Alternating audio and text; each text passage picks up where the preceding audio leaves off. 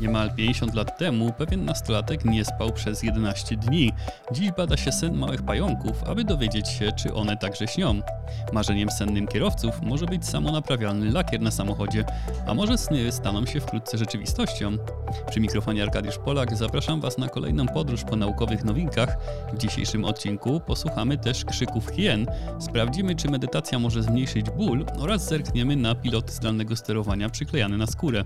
Ale na początek bardzo Was proszę o udostępnianie i lajkowanie tego odcinka. Jest to Wasza nieoceniona pomoc w walce z algorytmami i docieraniu do nowych słuchaczy. Dzięki wielkie za każde wsparcie, które możecie mi także udzielić w serwisie Patronite. Wszystkie linki znajdziecie w opisie odcinka, który rozpoczniemy od podróży w odmętach snu. W 1964 roku pewien amerykański nastolatek, Randy Gardner, postanowił zawalczyć o wpis do Księgi Rekordów Guinnessa, urządzając sobie maraton bezsenności, pozostając przytomnym przez 11 dni. To, co się działo podczas tych 264 bezsennych godzin, wiemy z relacji komandora porucznika Johna Rossa z jednostki medycznej.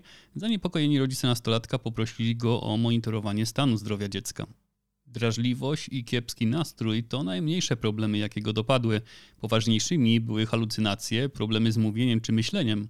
Nastolatek często zaczynał zdanie, nie będąc w stanie go skończyć, miał trudności z nazywaniem zwykłych przedmiotów, zapominał poleceń przekazanych mu kilka sekund wcześniej, a na końcu tego eksperymentu popadł w paranoję, myśląc, że radiowy speaker chce go ośmieszyć. Inny śmiałek, Peter Tripp, pod koniec swej bezsennej próby spotkał się z lekarzem mającym ocenić jego stan. Po 200 godzinach bez zmrużenia oka zobaczył w nim grabarza, który przyszedł pogrzebać go żywcem i z krzykiem rzucił się do ucieczki, nie potrafiąc już odróżnić rzeczywistości od swoich urojeń. Sen jest wśród zwierząt, także u człowieka, zjawiskiem tak samo powszechnym, jak i tajemniczym. To skąd się wziął sen i jaką funkcję pełni, nie zostało ostatecznie wyjaśnione. Wiele jest hipotez sugerujących, że dzięki spaniu oszczędzamy energię, porządkujemy pamięć lub regulujemy pracę mózgu. Za to wiemy na pewno, że sen jest niezbędny do poprawnego funkcjonowania. Nie trzeba wielu dni, bo już 24-godzinny brak snu wywołuje zauważalne efekty. Szybkość reakcji spada, układ immunologiczny produkuje mniej białych krwinek, za to rośnie skłonność do ryzyka i kiepski nastrój. Ale nasza wiedza o snach nieustannie rośnie, także ta o specyficznej fazie snu REM, która swą nazwę wzięła od szybkich ruchów oczu, będących charakterystycznym jej objawem to wówczas pojawiają się marzenia senne, nasze mózgi wpadają na wyższe obroty, podobnie jak serce, a paraliż senny zapobiega wówczas przypadkowym ruchom ciała. I znów nie wiadomo do końca, czemu faza REM ma służyć, za to wiadomo, że szczury jej pozbawione umierały w ciągu kilku dni bo również inne zwierzęta, nie tylko ludzie, śniąc, przechodzą przez różne fazy snu. Tak jak pszczoły miodne naprzemiennie przechodzą przez fazy czuwania z ruchem czułek i fazę snu głębokiego związaną z tworzeniem pamięci długoterminowej. Ale w przyrodzie obserwujemy znacznie bardziej zróżnicowane mechanizmy snu. Ssaki morskie mogą pływać i spać jednocześnie.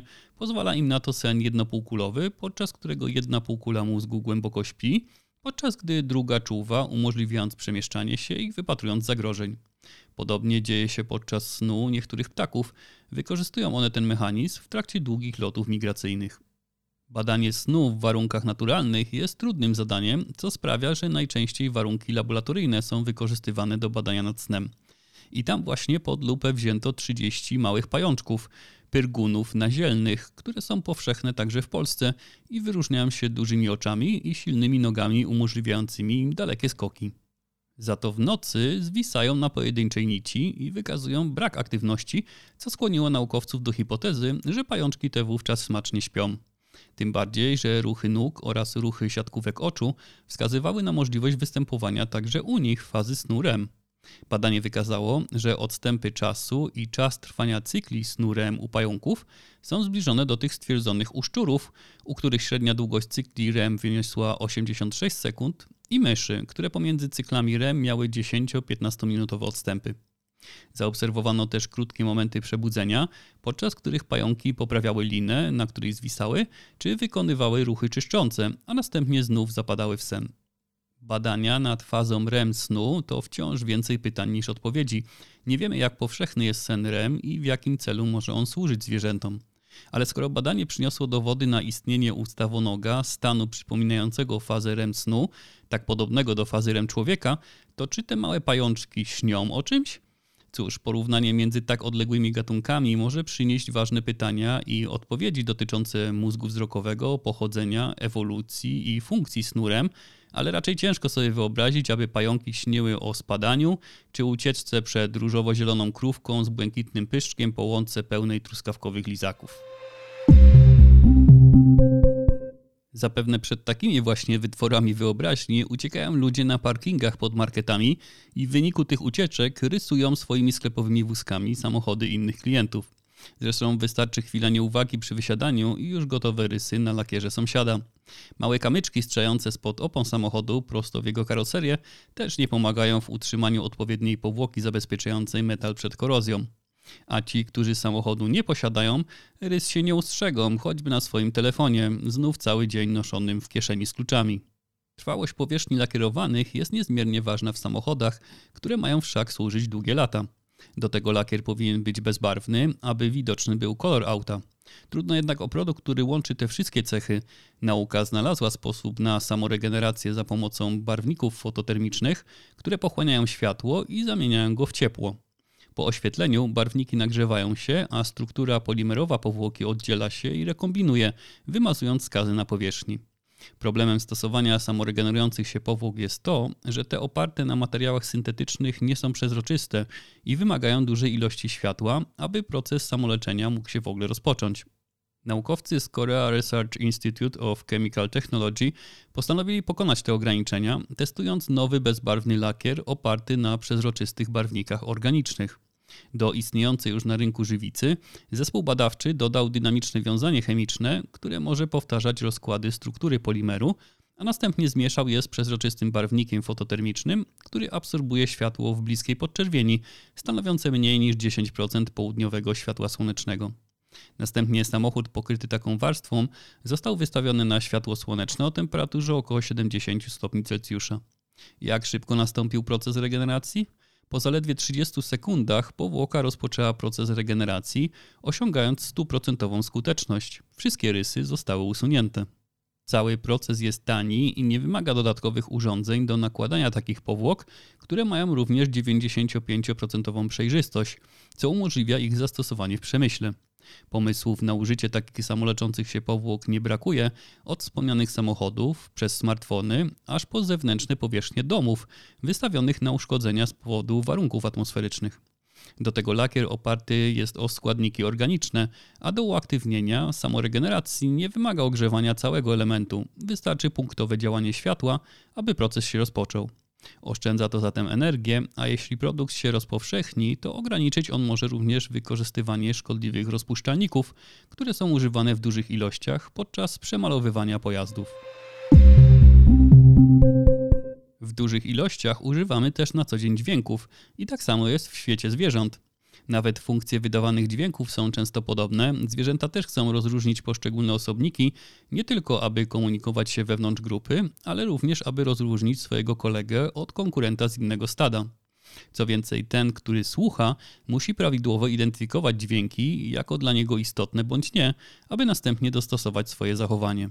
Kiedy ważna jest identyfikacja pojedynczego osobnika, najważniejsze wydają się być sygnały indywidualne. Specyficzne gwizdanie delfinów to przykład dźwięku charakterystycznego dla konkretnego osobnika i niezmiennego przez dziesięciolecia, co pozwala na utrzymywanie skomplikowanych relacji społecznych między tymi sympatycznymi ssakami. Ale tu pojawia się pytanie, bo co dzieje się, gdy osobników w grupie przybywa, a wraz z nimi przybywa ilość indywidualnych sygnałów dźwiękowych? Spodziewać się można, że obok tych osobistych dźwięków u zwierząt wykształci się jakiegoś rodzaju dźwięk grupowy, który wyemitowany określać będzie nie tyle pojedyncze zwierzę, co bardziej stado, do którego ono należy. Pojawia się jednak dodatkowe utrudnienie odległość, która dla człowieka problemem nie jest ze względu na osiągnięcia technologiczne. Gdy stado zwierząt się powiększa, zajmuje coraz większy obszar. Wywoływanie się czy to całych grup, czy pojedynczych osobników Natrafia tu na szumy czy zakłócenia pochodzące ze środowiska, a musi być na tyle skuteczne, aby umożliwiać identyfikację. W nowym badaniu amerykańscy naukowcy postanowili przyjrzeć się hienom plamistym i sprawdzić, czy w swoich długodystansowych wokalizach mają one sygnaturę indywidualną, grupową, nie mają żadnej z nich, czy też może mają obie. Hieny wydają się być idealne do badań nad dźwiękami, wydając siebie charakterystyczny chichot. Te duże drapieżniki żyją w sporych stadach, mogących liczyć nawet 125 osobników. Klany hien są mocno zorganizowane, wyraźnie zaznaczona jest hierarchia w stadzie, która określa pierwszeństwo w dostępie do jedzenia, wody czy rozmnażania. A skoro tak, to relacje między członkami klanu zmieniają się w zależności od rangi, płci, wieku i pokrewieństwa. W takim sposobie funkcjonowania grupy ważne są zatem indywidualne dźwiękowe sygnały rozpoznawcze, aby nie pogubić się, kto jest kto. Wewnątrz klanu często dochodzi też do tworzenia się mniejszych grup. Hieny zmieniają przynależność do nich często, więc przydałyby się także dźwięki identyfikujące aktualną grupę, ułatwiając w ten sposób koordynację działań dużej liczby członków klanu oraz wykrywanie intruzów na terytorium. Tym bardziej, że jeden duży klan hien może się rozproszyć na sporym obszarze sięgającym 76 km2, dlatego też hieny obok swego chichotu potrafią też głośno krzyczeć. Na tyle głośno, że słychać je z odległości nawet 5 km. Najczęściej swoje nawoływania powtarzają w cyklach od 2 do 34 okrzyków, a każdy okrzyk jest harmonicznym, modulowanym i tonalnym zawołaniem, przynoszącym informacje o wieku, płci, lokalizacji, stanie emocjonalnym i tożsamości osobnika. Nagrania tych nawoływań uzyskano od hien z czterech klanów, monitorowanych w ramach projektu Maria Hiena Project w rezerwacie narodowym Masai Mara w Kenii. Nagrywano je mikrofonami z samochodów terenowych, ale dla pięciu dorosłych samic wykonano specjalne obroże, które rejestrowały nie tylko ich pozycję i ruch, ale także nagrywały wydawane dźwięki. W późniejszej analizie kluczową rolę odegrały algorytmy uczenia maszynowego, dzięki którym potwierdzono, że wiele cech sygnałów hien ułatwia rozróżnianie poszczególnych osobników, ale nie ma dowodów na istnienie sygnatury na poziomie grupy. Istnieje kilka hipotez, dlaczego zwierzętom nie jest potrzebny taki grupowy identyfikator. Wiemy, że ludzie potrafią dokładnie rozróżnić wiele osób na podstawie samego głosu. Dzieje się tak też w przypadku niektórych zwierząt. Na przykład słonie afrykańskie potrafią tylko na podstawie dźwięku rozróżnić ponad 100 osobników swojego gatunku.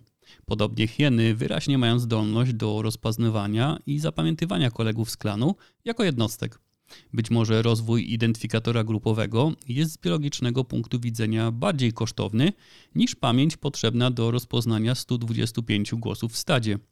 Dodatkowo częsta zmiana grupy wymuszałaby na zwierzętach nauki nowego grupowego identyfikatora, a taka cecha, jak twierdzą inne badania, jest stosunkowo rzadka u zwierząt. Aby rozwiązać problem komunikowania tożsamości osobników na rozległych terytoriach, hieny plamiste ewoluowały w kierunku kodowania informacji o tożsamości w tych cechach wydawanego dźwięku, które są szczególnie odporne na rozprzestrzenianie się na duże odległości. Co więcej, poza rozróżnianiem poszczególnych hien, częstotliwość dźwięku może ułatwić hienom lokalizację osobnika krzyczącego. Wysokie częstotliwości pozwalają odbiorcy dźwięku na stwierdzenie odległości rozmówcy od niego, natomiast niskie częstotliwości umożliwiają dotarcie do jak największej liczby słuchaczy. A dlaczego hieny powtarzają swoje okrzyki w seriach? Zwierzęta te nie mogą przewidzieć, w jaki sposób sygnały ulegają deformacji w trakcie nawoływania, albo czy osobnik słuchający ich okrzyków ma akurat komfortowe warunki do odsłuchu. Dodatkowe powtórzenia zwiększają zatem szanse, że sygnał zostanie wykryty i poprawnie odczytany. Badania takie znakomicie pokazują, jak ważny jest dźwięk w codziennym funkcjonowaniu zwierząt, ale też w jaki sposób zwierzęta radzą sobie z ograniczeniami w jego emisji, które człowiek wyeliminował dzięki postępowi technologicznemu. Postępowi, który niewątpliwie uczynił nasze życia wygodniejszymi niż kiedykolwiek w historii. Wraz z rosnącym dostępem do coraz szybszego internetu rośnie też liczba urządzeń, jakimi posługujemy się na co dzień. Bez telefonu jak bez ręki, ale pomyślcie o masie innych urządzeń wykonujących Wasze polecenia. Lodówki zamawiające jedzenie, samojezdne odkurzacze, samogotujące garnki czy żarówka podłączona do domowej sieci Wi-Fi. Każde z tych urządzeń wykonuje jakąś zadaną mu pracę. Ale aby do tego doszło, potrzebny jest system sterowania takim urządzeniem, który powinien być prosty i intuicyjny dla każdego użytkownika. Nic dziwnego zatem, że globalny rynek interfejsów człowiek-maszyna rośnie o 10% rocznie. Poszukiwane są coraz to nowsze rozwiązania, aby pokonać ograniczenia związane z trwałością i odpornością takich urządzeń, a także z potrzebą ich zasilania. Pilot do telewizora jest urządzeniem dużym, nieporęcznym, zasilanym bateriami, które trzeba wymieniać i do tego każdy producent ma swoją koncepcję na układ przycisków. No i spróbuj takiego pilota zalać kawą. Kończy się to częstą wycieczką do sklepu po nowy moduł sterujący, bo ciężko sobie dziś wyobrazić sterowanie przyciskami na telewizorze. Od wygoda. Naukowcy z kalifornijskiego uniwersytetu postanowili skonstruować sterownik nowej generacji o wymiarach 4x4 cm, który można by przykleić bezpośrednio na skórze. Urządzenie, które skonstruowali i przetestowali, jest rozciągliwe, niedrogie i wodoodporne, ponieważ pole magnetyczne przenika przez wodę, nie tracąc na sile.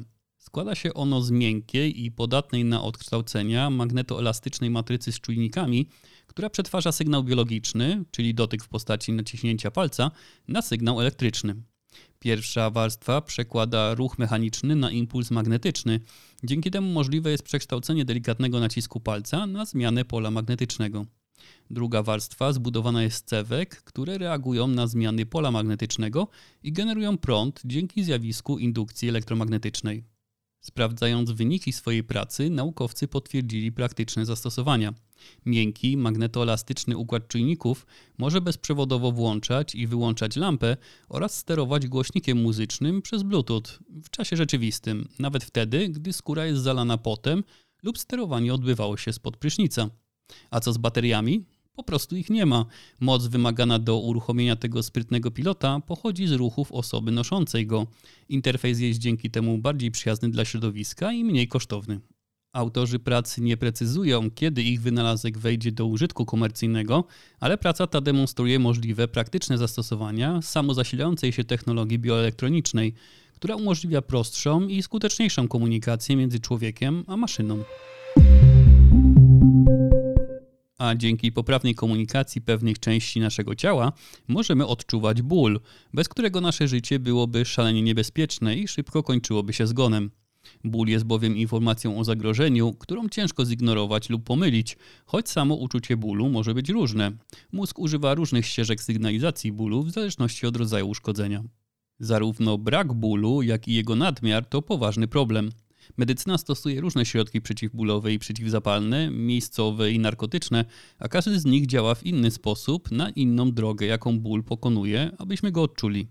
O tym, jak faktycznie leki przeciwbólowe zabijają ból i czym się od siebie różnią, przeczytacie już jutro w tłumaczeniu artykułu Rebeki Seal i Benedicta Altera, który dostępny będzie na stronie naukowo.net. Zapraszam serdecznie. A dziś zajmiemy się niefarmakologicznym sposobem uśmierzenia bólu, jakim jest medytacja. Od tysięcy lat jest ona używana do łagodzenia bólu, jednak mechanizmy zachodzące w mózgu, które wspierają zmniejszanie poziomów bólu, nie są znane. Naukowcy z Uniwersytetu w San Diego postanowili sprawdzić eksperymentalnie, jak to z tą medytacją jest. W tym celu zaproszono 40 uczestników do badania, którzy pierwszego dnia zostali poddani badaniu za pomocą rezonansu magnetycznego.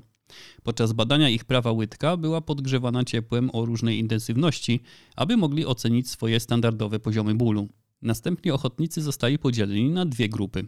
Pierwsza z nich przeszła przez cztery 20-minutowe sesje treningowe medytacji, podczas których nauczono ich koncentrowania się na oddechu oraz poproszono ich, aby nie analizowali i nie skupiali się na myślach, uczuciach czy wrażeniach.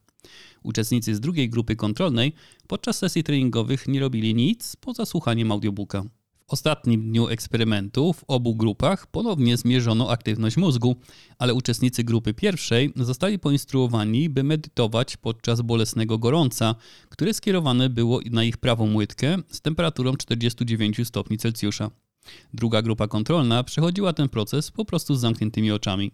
Uczestnicy, którzy aktywnie medytowali, zgłosili intensywność bólu mniejszą o 32%, i 33% redukcję odczuwania nieprzyjemnego charakteru bólu.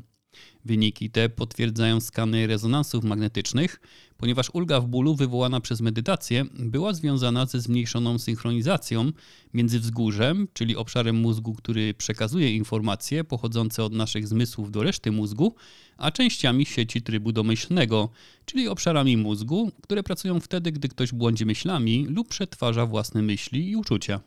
Jednym z regionów trybu domyślnego jest przedklinek, obszar mózgu zaangażowany w podstawowe cechy samoświadomości, który przestaje działać, gdy człowiek traci przytomność. Innym obszarem w tej części mózgu jest brzuszna kora przedczołowa, obejmująca kilka podregionów, które współpracują ze sobą w celu przetwarzania sposobu, w jaki odnosisz się do swoich doświadczeń lub nadajesz im wartość. Im bardziej te obszary były odłączone lub dezaktywowane, tym większą ulgę w bólu zgłaszał uczestnik. Proponowane wyjaśnienie opiera się na mechanizmie, w którym sygnały generowane przez ból Wprawdzie nadal przechodzą z ciała do mózgu, ale ponieważ medytująca osoba zwraca mniejszą uwagę na te odczucia, doświadcza mniejszego bólu i cierpienia. Metoda nie oparta na lekach, za to darmowa i możliwa do praktykowania w każdym miejscu, byłaby nie lada rewolucją dla osób zmagających się z przewlekłym bólem. I to w tym kierunku na pewno będą podążać dalsze badania nad medytacją i jej potencjałem klinicznym. Ja za to będę podążał ścieżkami wydeptanymi przez naukę. Mam nadzieję, że wybierzecie się ze mną na kolejny spacer już w najbliższą sobotę. Tymczasem dziękuję za dzisiejszą podróż, trzymajcie się ciepło, do usłyszenia.